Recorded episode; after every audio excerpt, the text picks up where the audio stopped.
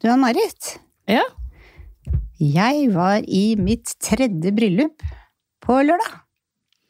Såpass, ja. Ja, Alle skal gifte seg i år. alle gifter seg i år. Og skal jeg fortelle noe morsomt? Mm. Jeg sa faktisk ja til å sette opp bruden også. Nei, gjorde du? Eh, Ja, jeg gjorde det. Jeg sier til meg sjøl, det, det svarer jeg nei på. Når jeg får spørsmål, så er det en eller annen greie inni huet mitt som sier nei, og så bare ja, kommer det ut. Så da ble jeg stående med det.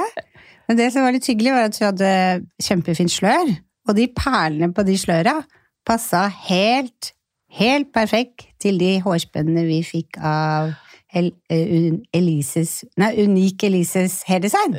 Ja, Ja, Så du brukte de? ja, og det var jeg så glad for, for du veit, de er ikke stive som alt annet. De kan bøye på dem, sånn at Ja, de passer inn. Ja. Så det eneste som er litt trist, er at da måtte jeg hive fra meg dem, så da har jeg det ikke lenger.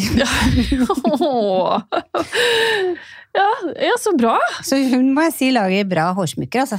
Ja, Mhm. Kompliment til Unik. Ja, Ja. så jeg er veldig glad for at jeg fikk beholde de en uke. Og det er gøy å kunne gi det bort til en som ble så glad. ja, du får bestille nye. Ja, det kan man gjøre.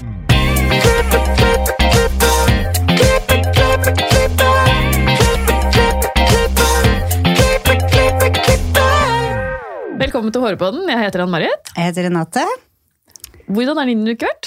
Min uke har vært, Du har vært, vært så nydelig. Altså, jeg, vet, jeg, jeg sitter på lørdag i bryllup, så satt jeg og gråt hele tida. Utrolig irriterende. Men jeg blir altså så rørt. Det var så fint. Og så Hanne Krogh sang i kirka. Kjempenydelig sang. Og Bondevik var presten. Og han trodde jeg var sånn kristen, kristen tørr. Men han hadde sånn på kanten-vitser, så jeg ble flau langt ned i skoa. På podiet under gudstjenesten. Og så sang jo barna til brudgommen. Altså, nei, vet du hva. Hvem var det som gifta seg? Ble jeg nysgjerrig? Ja, det er en kamerat av uh, Kittil, og det var eh, altså For å si sånn, Se og Hør var der. Så, men jeg gjemte meg i alle krikker og kroker, for jeg vil jo ikke på noe rull. Vil du ikke det, altså? Nei, det syns jeg det Det var jo så mye å se på, så jeg får la andre skinne. Ja. Veldig hyggelig med bryllup, altså. Jeg skulle gjerne gått til flere. Jeg skulle gjerne vært i flere sjøl, jeg. ja. Mine venner gifter, gifter seg ikke. Nei, du må bare be dem å fri. Ja. ja, ja, kanskje det er det jeg skal gjøre. Din uke?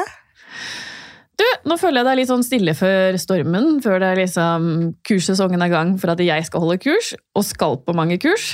Så det blir en veldig spennende høst. Så akkurat nå så bare nyt at det er litt stille. Mm, Deilig. ja. Så jeg har nok mer å fortelle neste gang jeg kommer. Ja. Mm. Jeg må si en ting. Ja. Du vet den hårspenna vi fikk av eh, Cecilie Krogh? Ja, Den hadde jeg i håret mitt. Og det var litt gøy, for mannen hennes var der. Så, ja, så hilste på han, så kunne jeg vri på huet så jeg selv har i håret mitt. Og da ble jeg så glad. Ja, han gjorde det! Ja, de er så fine, de også. Det er også noe å kjøpe.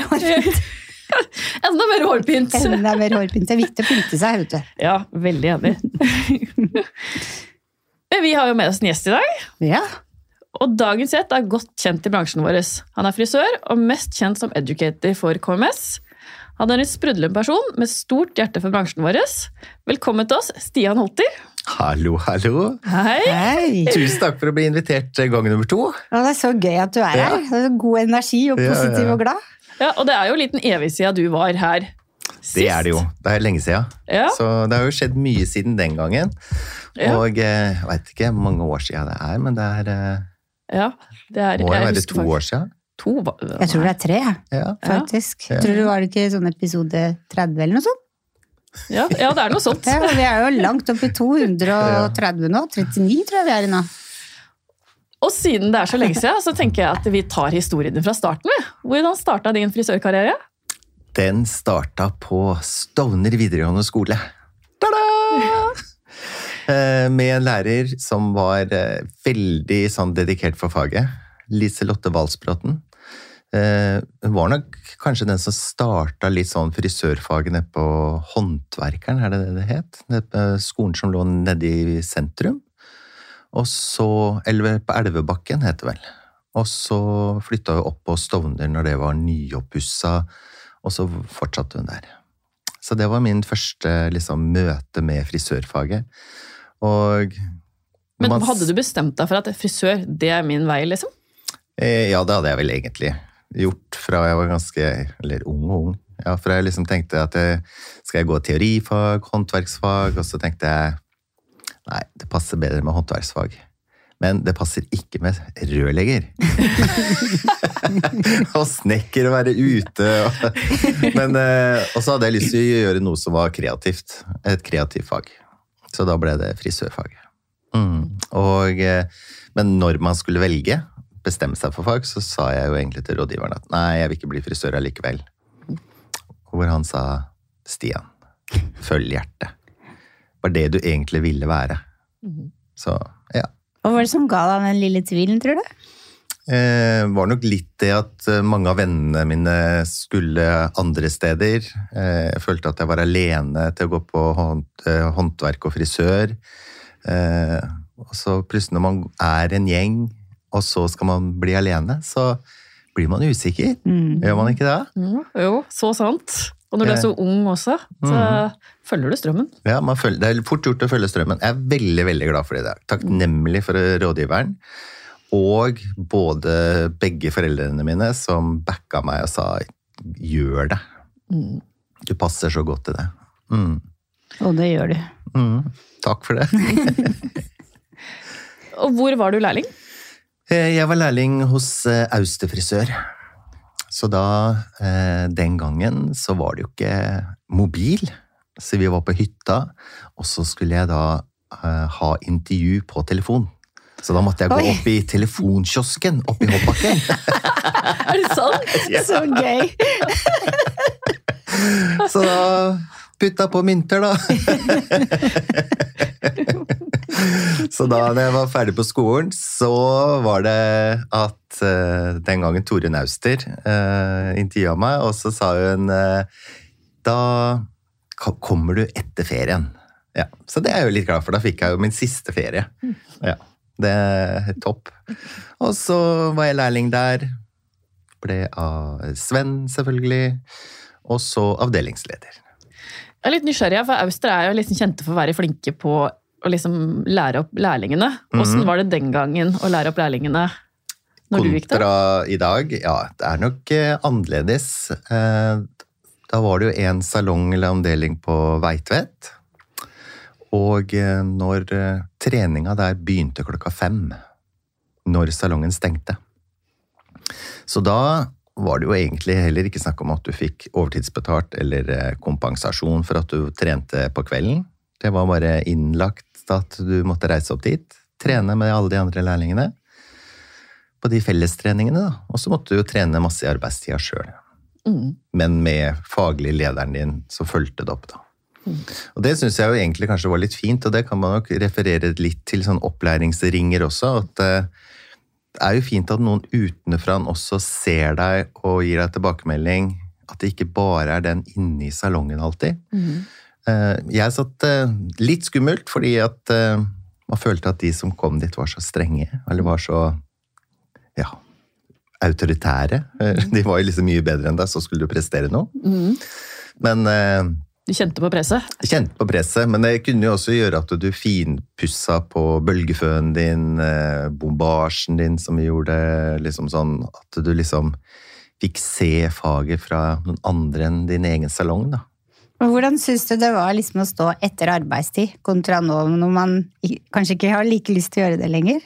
Um, det var liksom egentlig ikke noe valg. Nei?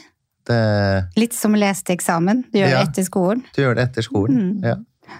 Men uh, i dag så ser man jo Folk vil jo ikke gå på kurs engang uten å få betalt for det. At det er en lønnsdel, da. Så tenker jeg, ja ja, gå på det kurset, lær noe nytt, bli en bedre frisør, tjen mer penger. Mm, ja, men det er jo Det det. er lønna di for å gå Mm. på det kurset. Absolutt. For jeg har tenkt mange ganger når det er bare sånn jeg drodler inn i hodet mitt, men at man absolutt ikke vil trene etter arbeidstid i det hele tatt. Det er jo fint at man står på krava for lønna, men samtidig tenker jeg, har det noe med at man kanskje, at det er større strykprosent enn det det har vært før? Mm. For man har kanskje ikke like tid til å drive så fullendt opplæring i arbeidstida som frisør og faglig leder heller, fordi man har fulgt opp sjøl også. Mm. At det kanskje burde vært fint å kunne stått Noen timer etter arbeid. ja, eh, og i hvert fall sånn i siste oppløp Mhm. mot Da ville jeg stått døgnet rundt. Faktisk. Ja, men Ja. Men du blir jo ikke god på noe hvis du ikke trener. Nei. Det er jo uansett hva du gjør her i livet, liksom. Så skal du bli best på noe, eller Ja. flink på noe, og ta betalt for noe, så må du faktisk Så du sier at friidrettsgutta våre ikke ligger på soverommet på hotellet og slapper av og ser på Netflix? Hvem, gutt, hvem sa du? Friidrettsgutta våre Ja, som nei, det- Så De cirka det sier jeg, ja. Jeg er helt enig. Nei, men jeg ser jo det på meg selv også. Eller mange sier ja, det ser så lett ut når du gjør det på scenen, eller holder kurs, eller eh, på Instagram, eller liksom hvordan får du det til? Eh, Hvor kommer det fra? Så er det klart at noe ligger jo i håndlaget som du har jobba opp, og man kjenner hår og liksom erfaringen. Men eh, vi trener. Mm. Vi trener på frisyrene og klipper og jobber og manipulerer og føner og styler og Så vi står jo hele tiden og trener på det vi skal gjøre på kurs. Mm. Så Jeg må bare hoppe inn i helt annet også, for det, Selv den dag i dag så tar jeg fortsatt med dokkehodet mitt hjem før jeg skal ha en brud. Du var jo innom salongen Ja, her òg. Vent litt, jeg må ha med dokkehode, for jeg skal ha brud nå Og det var litt dager. fint, for da sa jeg til samboeren min Ser du gjør det, hun òg. Ja. For mitt står framme hele tida. Og på ferien, så når vi skulle reise på ferie nå, reise fra kontoret, og så reise hjem, så pakka jeg en stor bag. Det var langtårshode til styling, det var et eh, klippehode dame, klippehode herre. Fordi jeg tenkte, hvis det er en idé, eller noe jeg må gjøre, eller, så må jeg ha det tilgjengelig. Mhm. Så, Ja. eller er vi skada? Nei, vet du hva? Nei.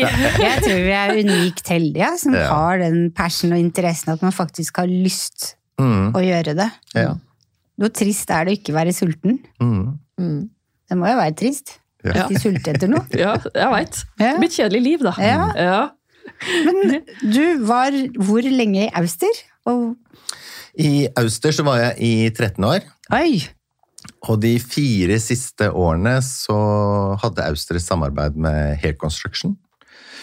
Så da var jeg med å lage åtte hårkolleksjoner for de. Så jeg var så heldig å være en av de som fikk lov å være med på det. Så da reiste vi til Kolding, og var der sammen med Palle Friise, Hair Construction. Og jeg tenker, for en unik mulighet å være der og være med på den norske delen av Hair Construction og kurskonseptet. Og så var jeg så heldig at de så meg, så nesten hver helg så var jeg i Kolding og holdt kurs for danske frisører. Og eh, fulle dansker er ikke lett å forstå. På middagen på kveldene. Og bare Og jeg bare tenkte nå timer jeg ut, for nå jeg skjønner ikke hva dere mener lenger. Men hair construction, hva er det? Hair construction Fins det fortsatt i dag? mm, Ja, men Ja, det tror jeg. Ja. Men jeg lurer på om, om Palle Frise som eide Hair Construction, nå kaller det Park. Mm. Mhm. Så jeg tror egentlig også de har åpna en salong i Oslo, i, på Majorstad, som Ja, de det har kaller jeg sett på Instagram. Park Styling. Eller Ja. som en sånn stylebar eller noe sånt, tror jeg. Mm. Ja, det stemmer, det. Mm. Ja. ja. Men jeg tror eh, salongen hans eh, i Kolding nå heter Park. Mm. Var det det som gjorde at det educating eh, At det kom veldig inn i meg. Eh, Jeg syns nok Jeg var jo faglig leder også på Auster frisør.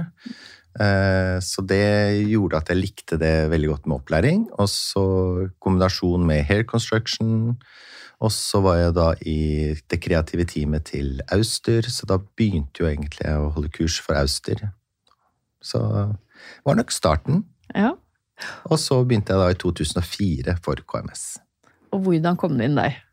Det var eh, flaks, tilfeldigheter, føler jeg. Men eh, det var jo litt sånn at eh, KMS hadde vært på en stor eh, visning og presentasjon i Los Angeles.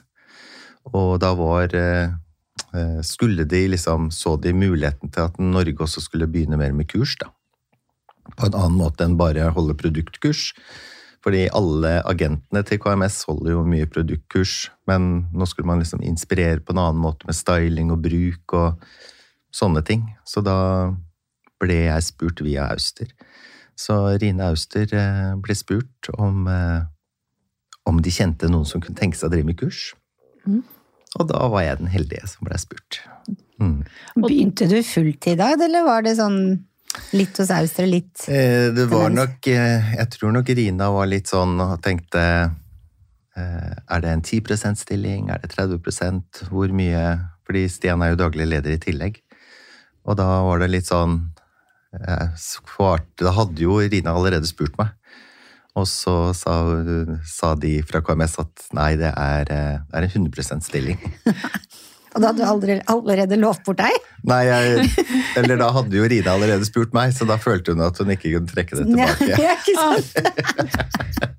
Så da sa Rina 'jeg blir med deg på intervju'. Ja. Men eh, nei, det var en fantastisk mulighet. Men jeg hadde jo sikkert ikke fått den muligheten hvis jeg ikke hadde jobba så mye for det heller. Med kurs og sånne ting. Mm. Og så hadde vi jo KMS i salongen. Det lå meg tett i hjertet. Eh, fordi når du starter i faget, så er det jo litt sånn Det kan jo være litt overveldende å ha ni serier eh, inne som hvelver mot deg, og du kan ingen av produktene. Så jeg lærte meg vel egentlig fort å kopiere litt det de andre gjorde i salongen. Mm.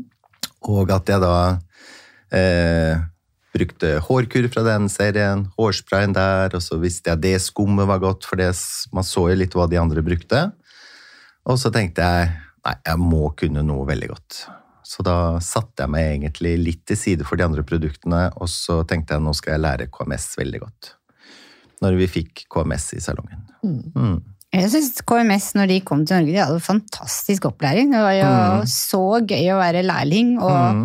blande Nefarkure for hodebunnsproblemer og magnesium for slitte tupper, og sånn. Ja, ja, ja. Promlin Gold, A og B, som bare este. Det, Ja. det gjorde jo dagen min. Ja, ja, ja. Og så alle de fine produktene. liksom At du rista sjampoen for å få av sinken, sånn at du fikk Mm. Ja, ja, ja. opp. Og, Det er fantastisk. Det tror jeg er det første produktene jeg har vært borti, som har vært så i dybden og så Mm. Ja. spennende. Da. Mm. Så, Og eh, utviklingen på det er jo at alt det gamle er jo der fortsatt. Men eh, i en ny innpakning, og så er det fornya teknologien, da. For mm. de blir jo som eh, mobil. Eh, første mobilen din er kanskje ikke like gøy å spille på lenger som den du har i dag. nei. Så teknologien flytter seg jo hele tiden. Og der er vi jo heldige at eh, Kao, som eier KMS i dag, har jo et stort forskerteam som sitter og utvikler ny teknologi, og de har, eh, Kao har sagt at KMS er en merkevare vi satser på. Sånn at hvis det kommer en ny teknologi på markedet som de forsker ut, som kan passe til vår merkevare, så er vi de første som får lov å plukke det. Men så gøy. Ja, det er kjempegøy. Mm. Så på søndag skal jeg til Tyskland, på laboratoriet. Nei, gud, så heldig du er! Ja, det er velfortjent, det er det, men så gøy! Så da er jeg jo spent på hva man skal gå gjennom og se på og teste. Og... Men har du noe påvirkningskraft til hvordan disse produktene blir utvikla? Eh, ja, det har jeg nok. Ja. Eh, jeg får, um, får jo testere sendt hjem til meg regelmessig. Eh, og da får man jo egentlig ikke vite hva produktet er ofte, sånn med en gang. Dette er et produkt, så får du vite om det er styling eller sjampo eller ja, retningen får du vite. Men du får ikke vite helt hva det er, for de røper veldig lite.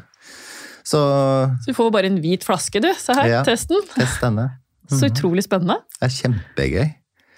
Men eh, sånn til KMS, sånn som det ser ut i dag, så totalt sett før det er på markedet, så er det sendt ut over 70 000 vareprøver av produktene i forkant og testa og sånne ting. Det er helt vilt. Det er helt vilt. Og så gøy! Ja. Og da samler det bare inn dataer, da. Og så Samler det inn dataer og hvordan dette produktet kan brukes på den måten eller den måten, så har jo de også en mening bak.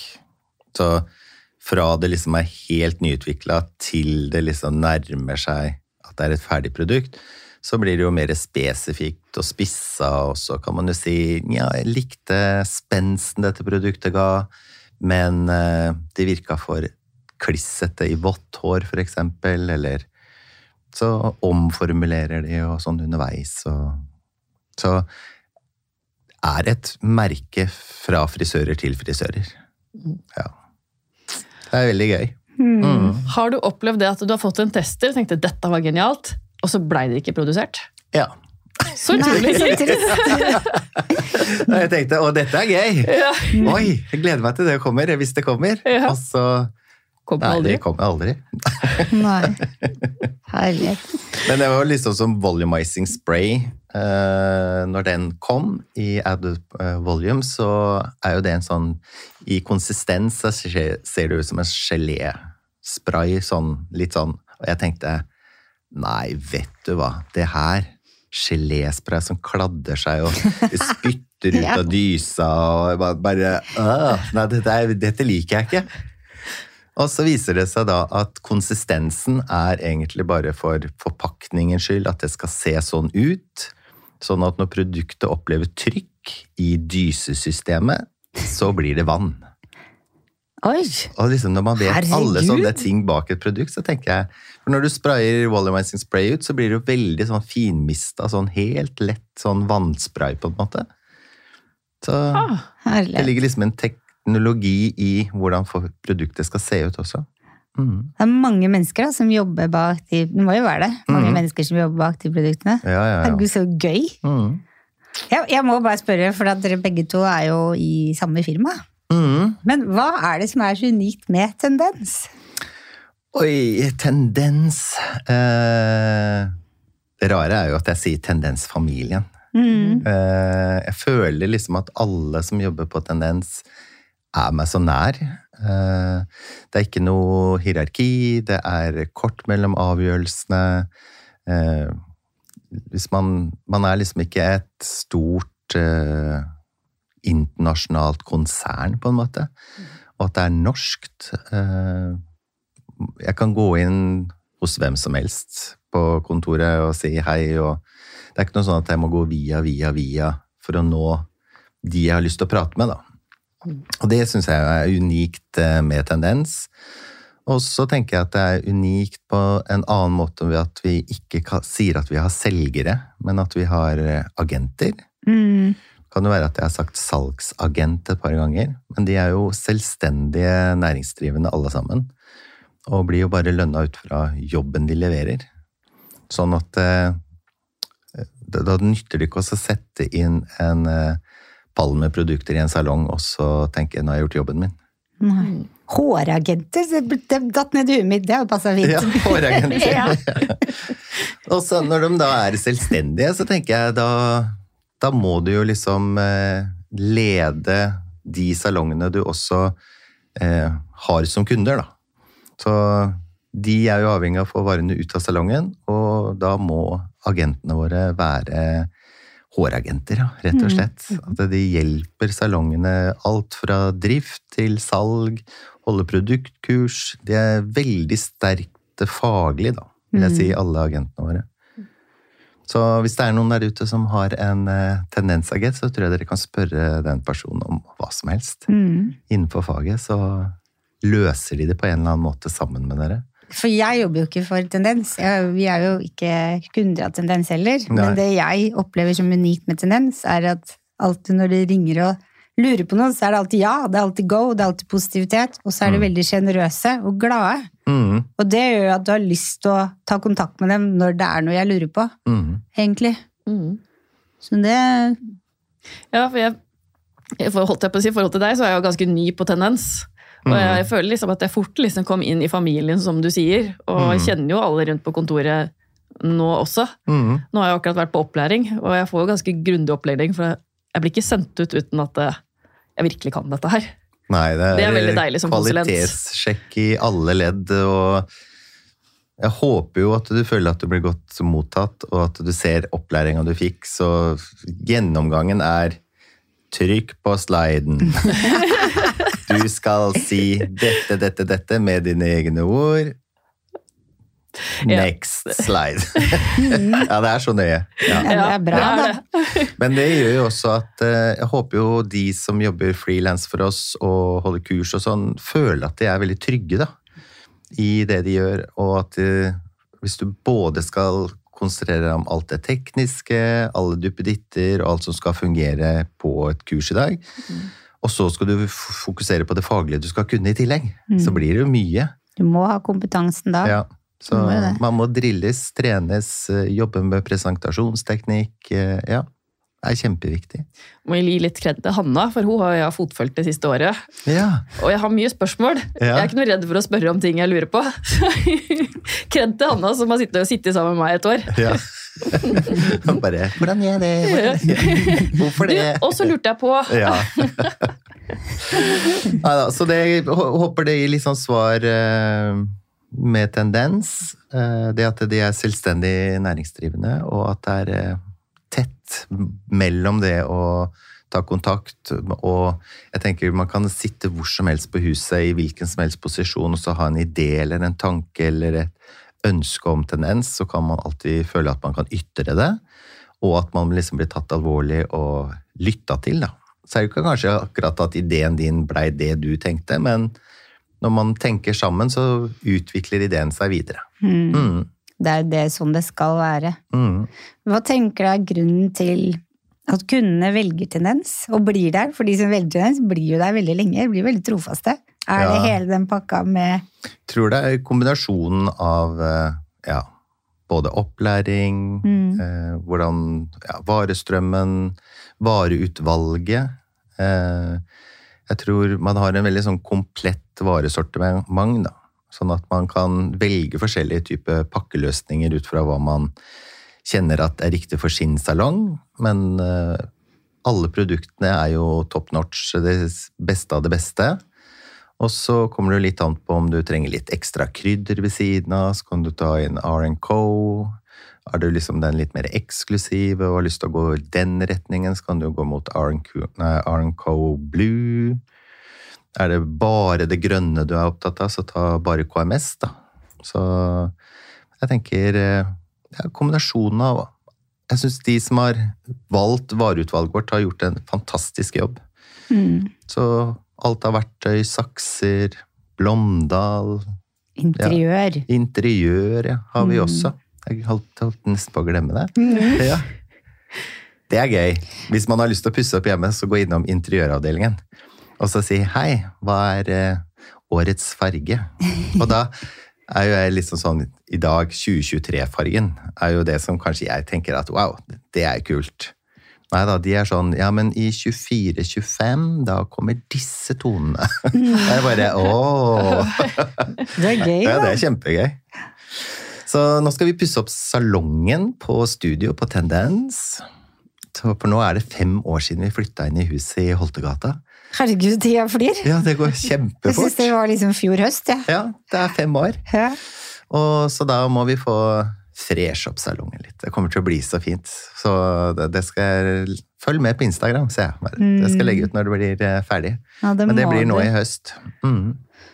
Jeg hadde en veldig fin opplevelse med en konsulent hos dere som ikke er her, men i England. jeg. Som vi har intervjua, som heter Paul Watts. Fordi vi, skulle, vi fikk et tips med en sånn app som vi skal bruke på YouTube for å redigere. Og det hadde jeg skrevet inn i skriveprogrammet mitt. Og plutselig så er det skrivebordbeskytta, sånn at da får jeg ikke åpna det. Så bare, hva gjør jeg da? Og så sendte jeg meld- melding til ham på Instagram, og det gikk sånn. To sekunder, så svarte han. Ja. Og så gikk det to sekunder, så sendte han en sånn discount-konto. Så jeg kunne få avslag i tillegg. Ja. Og skulle bare ta kontakt hvis jeg lurte på noe. Ja, det er helt Wow! unikt. Det er unikt. Ja, det er unikt. Ja. Så da ble jeg veldig happy. Jeg tenkte nå må jeg vente 14 dager og Da, da må jeg også fortelle om Paul, for jeg var jo og skulle fikse brud i Åh, hva heter det der igjen? Hotellet. Støtvik hotell. Støtvik hotell, ja. Og sitter der i resepsjonen. Og hvem er det som kommer i resepsjonen? Jo, det var Paul. Paul. Paul. så, så jeg bare Hva er oddsen for at vi møtes akkurat her og er fra to forskjellige land? Nei, det var så gøy. Ja. Ja, ja har bra. Jeg hadde vært på date med han i to dager. ja du hadde det? Hemmelig date! Nei da. Nei, han og Ian Davies holdt eh, presentasjon for oss eh, på Støtvik hotell. Ja, hele tendensen hadde Eh, vært Hele der. Hele Tendens hadde vært der. Og, eh, og jeg blei så inspirert av å høre på de to gutta. Ja. Så nå lurer jeg på om jeg skal starte YouTube-kanal. Det Er burde det sant? du. Ja. Skal jeg fortelle deg noe morsomt med han? Jeg Ja. var i en av salongene til Behåre og snakka mm. med en veileder der. Og hun hadde fått en kunde som ville ha wolfcut, så visste ikke helt hvordan hun skulle klippe det. Eller hva? Skjegg var det. Og så hadde hun gått inn på YouTube, skjegg. Ja. Og så fikk hun opp, bare holdt en strikk og klippet rett over. Hun bare, det er noe for meg. Ja. Så det gjorde hun. Og så hadde vi intervju med han seinere, et par måneder seinere, og så forteller han at det er han som har lagt ut den videoen. Ja. Hva er oddsen for det? Ja. Så da har hun allerede vært inne og fulgt med, og det han viser fram, er jo det er veldig Du forstår det veldig, for han er veldig flink til å Ja, ja, ja. Det ville jeg absolutt gjort hvis jeg var der. Så Du er jo jeg har starta kontoen allerede. Så det er link i bioen på Instagram, men eh, jeg har ikke Jeg har bare posta det de kaller short videos, da. Mm. Som er i eh, hva heter det? profilformat. Så nå skal jeg begynne med liggende til langversjon. Eller i lang versjon. Et par minutter, sikkert. Mm. Hva heter du på YouTube? Eh, inspiration. Inspiration. Ja. Mm. Fantastisk. Ja. Så du må følge deg der òg, da. ja, det må dere. Ja. Så det ligger link i, på Instagram allerede. Jeg la ut eh, for et par uker siden. To. Ja. Mm. Jeg var ferdig med den presentasjonen på fredag, og så reiste jeg rett hjem. Rett på YouTube. Og, og da viste det seg at jeg hadde jo egentlig en gammel YouTube-konto fra 2013 som lå der, som jeg bare tok tak i igjen. Ja. Pussa støva. Ja. Mm. Herregud. Ja, når vi snakker om dette her, Jeg har jo en YouTube-konto jeg også, som jeg laget i for altfor mange år siden. Jeg tror det ligger Mhm. tre videoer der fra NM. Men eh, de er veldig utdatert. Men Ja. de ligger der. Jeg har en YouTube-konto. Jeg tror den heter med saks og kam til og med, hvis jeg ikke husker feil. Egen reklame. Bling, bling. Nei da. Nei, men det er jo mange ting man gjør i livet, både privat og jobb. Øh, Og hvis man skal referere til jobbting, så er det jo mange ting man bare utsetter fordi man gruer seg, eller ikke tør å hoppe i det, eller man er usikker. Eh, Og hvis jeg tenker tilbake, så var jo egentlig det med å starte den YouTube-kanalen var jo egentlig for å starte. Og så, da i 2013, og så Det er bare ti år siden, da. Så Ja. da har du progressert i ti år. Ja. Men da, liksom at jeg da ikke kom i gang den gangen, er fordi at man kanskje følte at man ikke kunne nok om det, eller at det ble for tungt, eller at ja, nei, dette tøyer jeg ikke, eller sånn. Og så, så Jeg tror nesten bare alle kjenner seg igjen i det. ja. Man gjør jo det man er tryggest på først, og så dytter meg unna det som er skummelt, og så blir det bare hengende over som en sånn vond murstein. Ja. Det er jo sånn det er. Det Og er det det. ser jeg nok oftest på kurs også, at eh, folk eh, er på kurs, lærer en klipp, og så kommer de tilbake i salongen, og så gjør man det dessverre på akkurat samme måte som man gjorde før man var på kurs. Fordi at man tenkte at dette er for mye, eller jeg får det ikke til, eller jeg tør ikke gjøre det på den måten. Jeg gjør det på min trygge måte. Mhm. Så der tror jeg nok utfordringen, eh, og det gjelder meg på ting jeg lærer nytt òg. Tren, eller start med en gang. Kast dere i det og gjør ting på en ny måte. Mm. Eller så Utfordre jeg tror, selv. kundene, jeg tror også kundene føler på det at eh, hvis du gjør det på helt lik måte i ti år, mm. så vil jo frisøren tenke her er det ikke noe nytt. Mhm. Jeg må videre til en ny frisør og få noen ny frisyre. Men hvis du er liksom kreativ, jobber på nye måter, ja, ser kunden din på nye måter eh, Jeg mener jeg kan ligge på stranda, se på eh, YouTube eller et eller annet, også på ferie, og så kan man liksom «Å, Dette passer til Camilla! Dette hadde hun blitt fin med! Så er det nesten så jeg må ta opp telefonen og bare sende melding med en gang. Hei! Det, kunne du tenke deg dette neste gang? Mhm. Den blir jo så imponert. bare, Hva? Tenkte du på meg? Det- Men seriøst, jeg gjorde det òg. ja. Og det, det hvis jeg, jeg har kunder i stolen, så sier jeg vet du hva, jeg tenkte på deg i går, og din hårfarge. Hva om vi gjør sånn? Og de blir sånn oh, wow, tenkte Mm. du på meg? Så ja, jeg er enig i det. Jeg ja. også sier det samme til mine kunder. Ja. Ja. Jeg sender ikke melding, da. Jeg Nei. sier det der og da. Ja. Neste gang så gjør du det på Saksa Vulkan på YouTube. ja. Siden du har Skulle aldri annonsert nevnt den. den kanalen her. Men du Stian, Mm. du gjør så utrolig mye spennende. Hva Ja. er det som driver deg? Oi, For det hva som stopper aldri opp, det er helt tydelig. Nei, det stopper aldri. Og nå har jeg liksom vært i faget i så mange år, så jeg tenker Kan jeg lære noe nytt? Ja, det kan jeg. Ja. At det er alltid noe nytt å sette seg inn i. Trendene endrer seg. Eh, hvis vi hadde sett eh, fem-ti år tilbake, hvem hadde trodd at det skulle komme en ny fargetrend som het balayage, liksom? Eh, Scandi hairline, som er nå. Mm. Eh, det er jo alltid noe som eh, er nytt i faget. Det er nye produkter, det er nye teknologier. Nei, Jeg syns det er kjempespennende. Eh, Så hva som driver meg, er kanskje nysgjerrigheten eller barnsligheten min. At jeg, eh, og det er jo ikke det at jeg alltid føler at jeg trenger noe nytt heller, for jeg har hatt samme kjæreste siden jeg var 18. Så det ligger jo ikke i det heller. Men eh, jeg tenker ja, jeg syns det er en spennende bransje. Kre jobbe med kreativt. Man har et eh, Hvis man jobber med maling, da, så har man jo en flat vegg å jobbe på. Og så skal man lage et eller annet på den, så det er jeg ganske inspirert av. tenker, For jeg er ikke noe flink til å male og tegne og sånn. Men eh, å skulptere og lage en form, det elsker jeg. Mm. Så altså når vi har så mange forskjellige hårkvaliteter, tykkelser, teksturer, og vi kan endre Hvis du har en tekstur du ikke liker, så kan du jo bare endre den nå til noe du vil ha. Jeg syns det er helt utrolig fascinerende. For det er jo fascinerende nå, tenker jeg, da, at det er så mange som Det, det er ikke lenge siden husker jeg tok sånn keratinbehandling. Jeg følte meg som Jesus. Jeg hadde ikke løftet løft et hårstrå. Altså, det var så rett ned. Men nå sa jeg For jeg tar så mye permanenter. Ja, Og på mest gutter. ja, I hvert fall to i uka. ja. Veldig mange som har lyst på Og så er jo ikke alle som man, noen, gang, noen vil jo ha den skikkelig krøllen, men mange vil jo bare ha en bevegelse eller et lite løft. Trenger egentlig ikke å se ut som de har tatt eh, permanent heller. En sånn beachwave, bare en sånn liten lokk. Ja. Sånn, hadde senest den i går.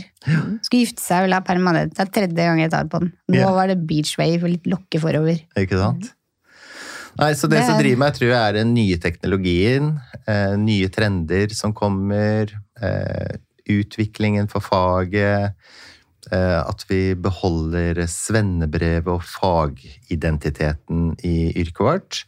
At vi ikke går bort ifra det, men at vi heller kanskje styrker det og er med og løfter frisørene opp eh, som det de fortjener.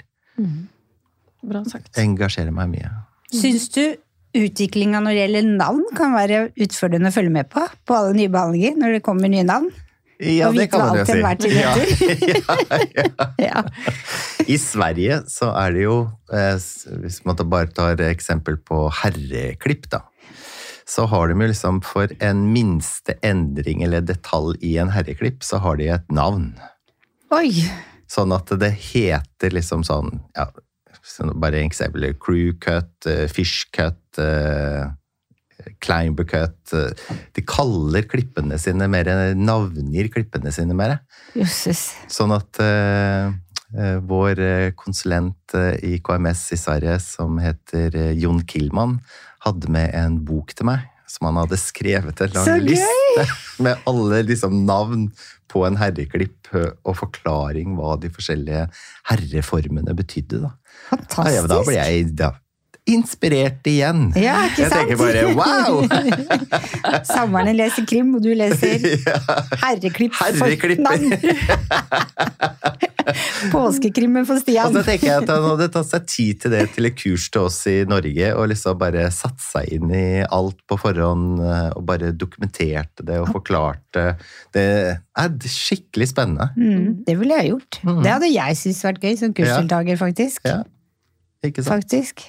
Jeg tror jeg skulle følt meg litt proff når jeg kom hjem til kundene mine og kunne Ja, ja. navngi klippen deres på en annen måte Ja. enn andre kan. Ja, ikke sant? Ja.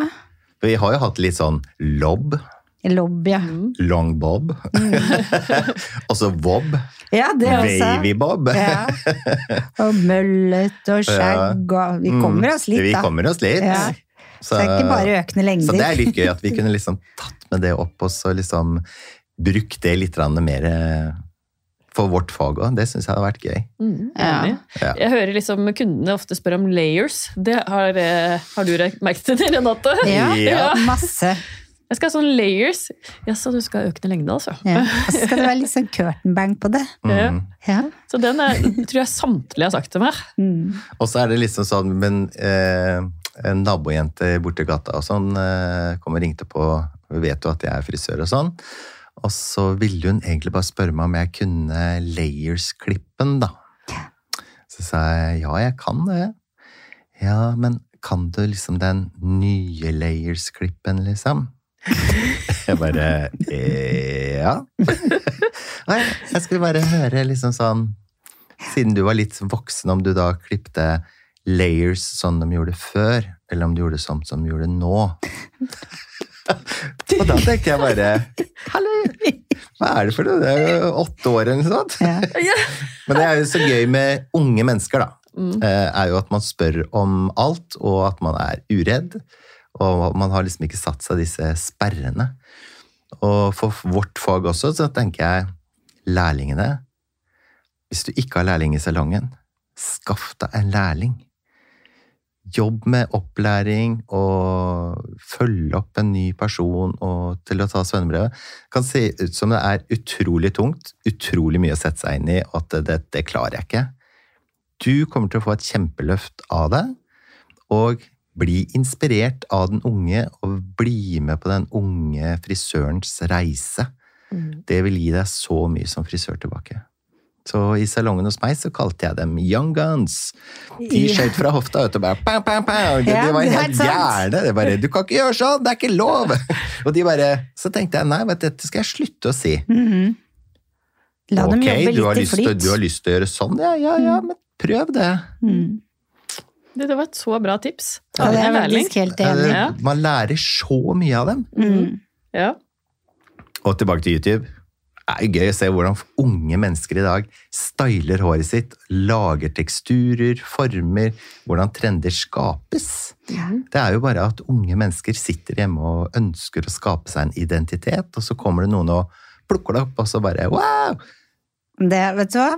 For ti år siden var jeg i Liverpool, og da møtte jeg masse unge jenter som gikk med hårruller, og tenkte wow, så kult, det er sånn jeg kunne gjort. Hvis Ja. jeg skulle på fest, skal ut og shoppe, mangler buksa, sette hårrull, og så bare løper ikke bry deg om hva andre Nei, ikke sant? I sommer så har jeg sett det flere steder i Norge òg. Ja. For det også har jo vært det har trenda skikkelig på Mhm. TikTok. Hårruller i curtainbanksen din. At du liksom kanskje lager en liten sånn varmebehandling, setter det i en hårrull sånn at det holder bedre. Og... Og så er du ikke noe flau over å gå ut med den. Den skal være på plass jeg skal på fest. Mm. Så det er liksom eh, Lotte, 18 år. Hårrull på Sara når Ja. det handler outfiten. Det er Jeg synes det er kult. kult, ja. Ja, ja, det er Det er dritkult. jo det. ja, jeg er veldig enig. Ja. Men vet du sjøl, jeg var jo ikke mer enn jeg var 10-11 år. Jeg gikk på Studio Alf. Hadde langt, langt lys krøllete hår. Kura, klippet meg økende lengder, fikk jo sånn der innoverlugg. Mm. Mamma kjøpte alle produktene i boka, og jeg var fast kunde der til jeg begynte å jobbe der. Ja, Fantastisk. Mm. ikke Så unge mennesker Ja. Mm. skal ikke jinxe med de, altså. Og de er jo de som er framtiden for Det er det. faget vårt også. Sant. Så vi, vi må legge mer trøkk på å satse på de unge. Begynne Syns jeg. tidlig. Mm. Ja, starte tidlig. Veldig enig. Hvem er din frisørhelt? Oi, min frisørhelt. Oi, jeg tror det er litt flere, kanskje. Men jeg syns jo eh, Her høres kanskje klisjé ut, men han Chris Appleton Jeg syns han er kjempegøy å følge med på. eh, Med at han gjør stylinger som er morsomme, ny vri. Kanskje at man går litt ut av boksen og tenker helt sånn svennebrev, fag, sånn, sånn, sånn skal det være. At man dropper noen ledd, og så får man fine resultater allikevel. Inspirert av frisører som gjør ting på en eh, enkel og lett måte. Mm. Stort sett. Og så er jeg nok en liten klipper, altså. Elsker å klippe hår.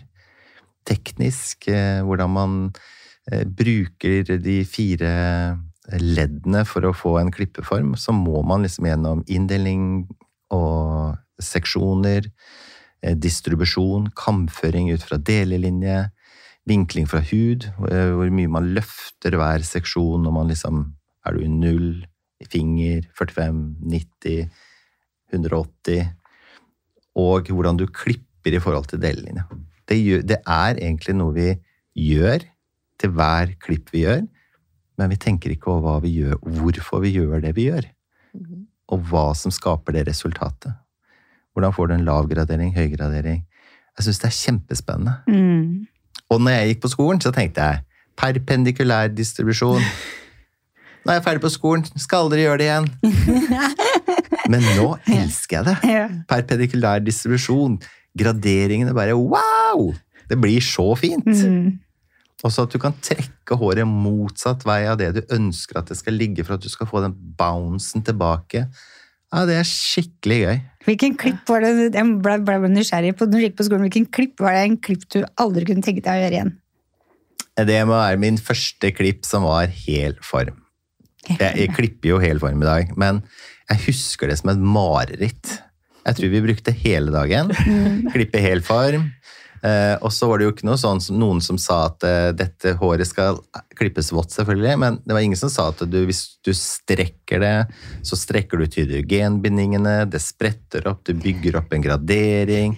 Dette er jo liksom Sasun i sitt hjerte, liksom. Det er jo sånn du bygger fine graderinger.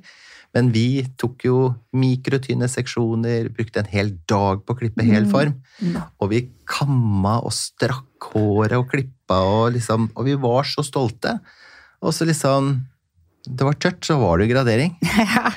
Og så kom læreren og bytta speilet lærer- under. Ja, så kom læreren og bytta speilet under og sånn. Så liksom Ja, det var bare Ja, det her var jo et bra forsøk, liksom. Ja.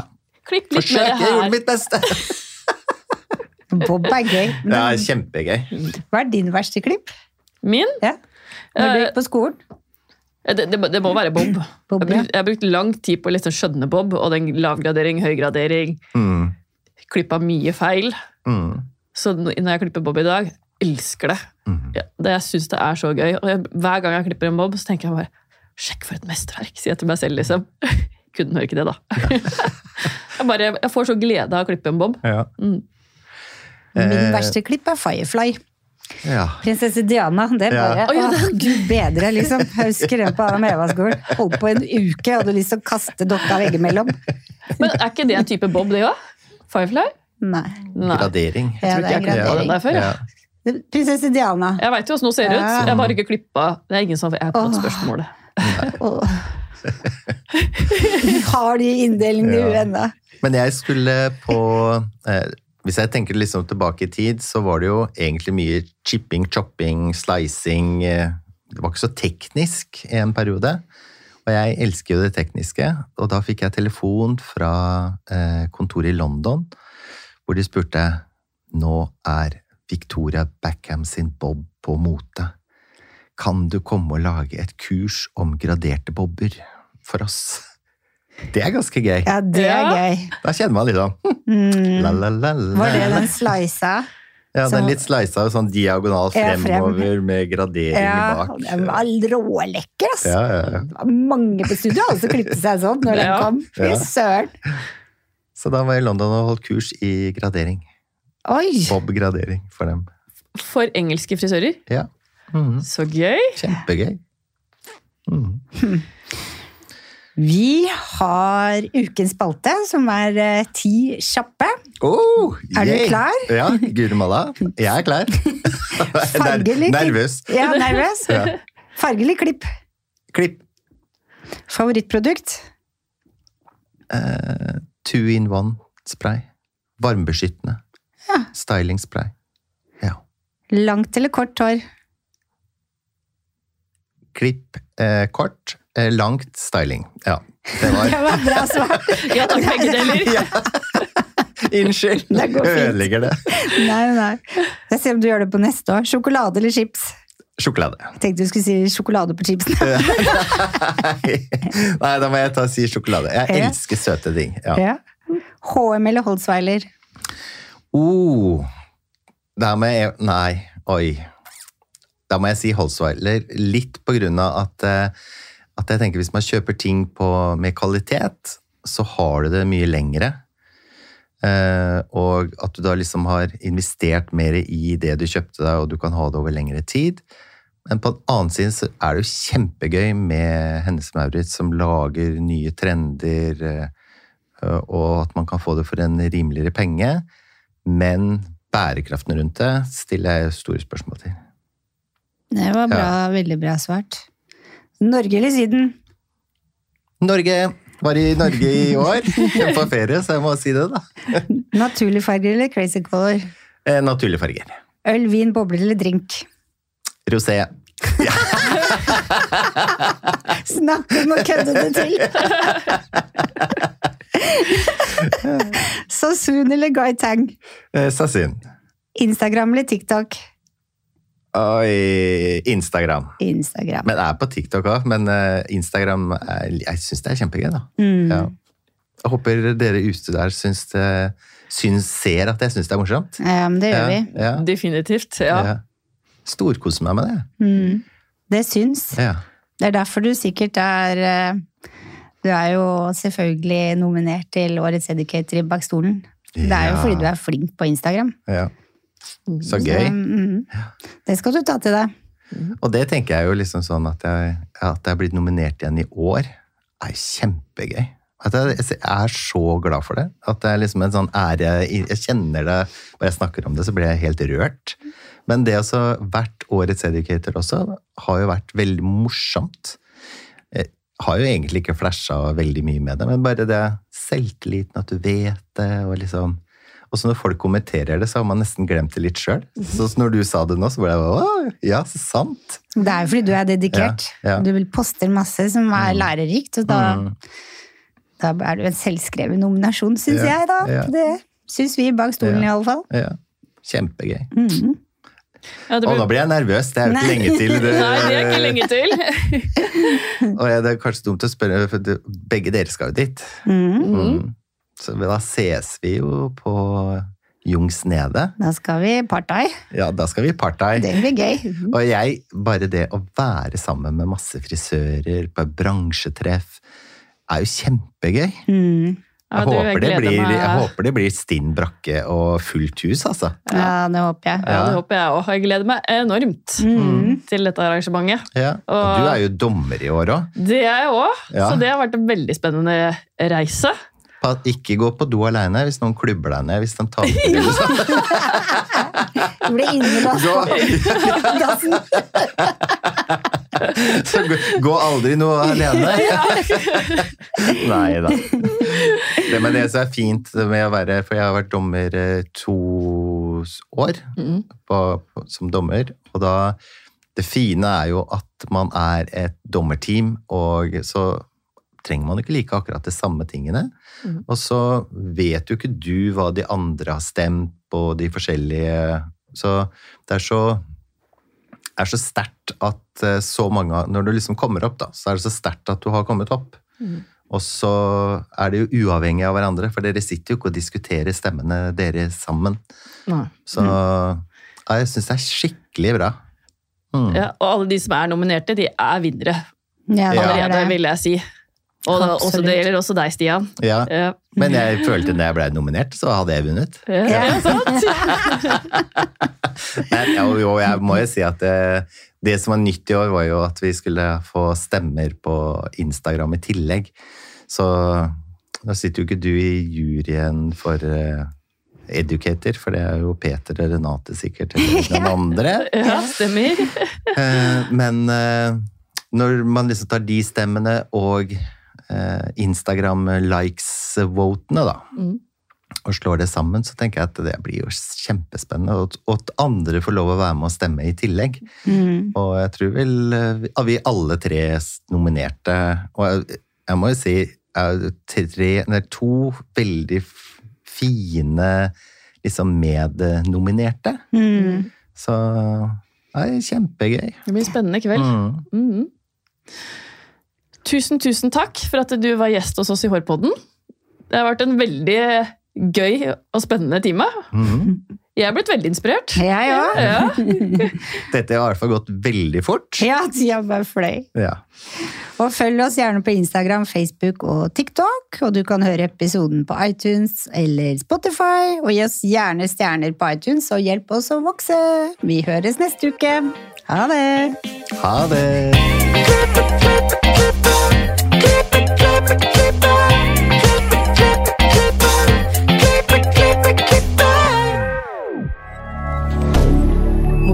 Media. Har du et enkeltpersonforetak eller en liten bedrift? Da er du sikkert lei av å høre meg snakke om hvor enkelt det er med kvitteringer og bilag i fiken, så vi eh, gir oss her, vi. Fordi vi liker enkelt. Fiken superenkelt regnskap.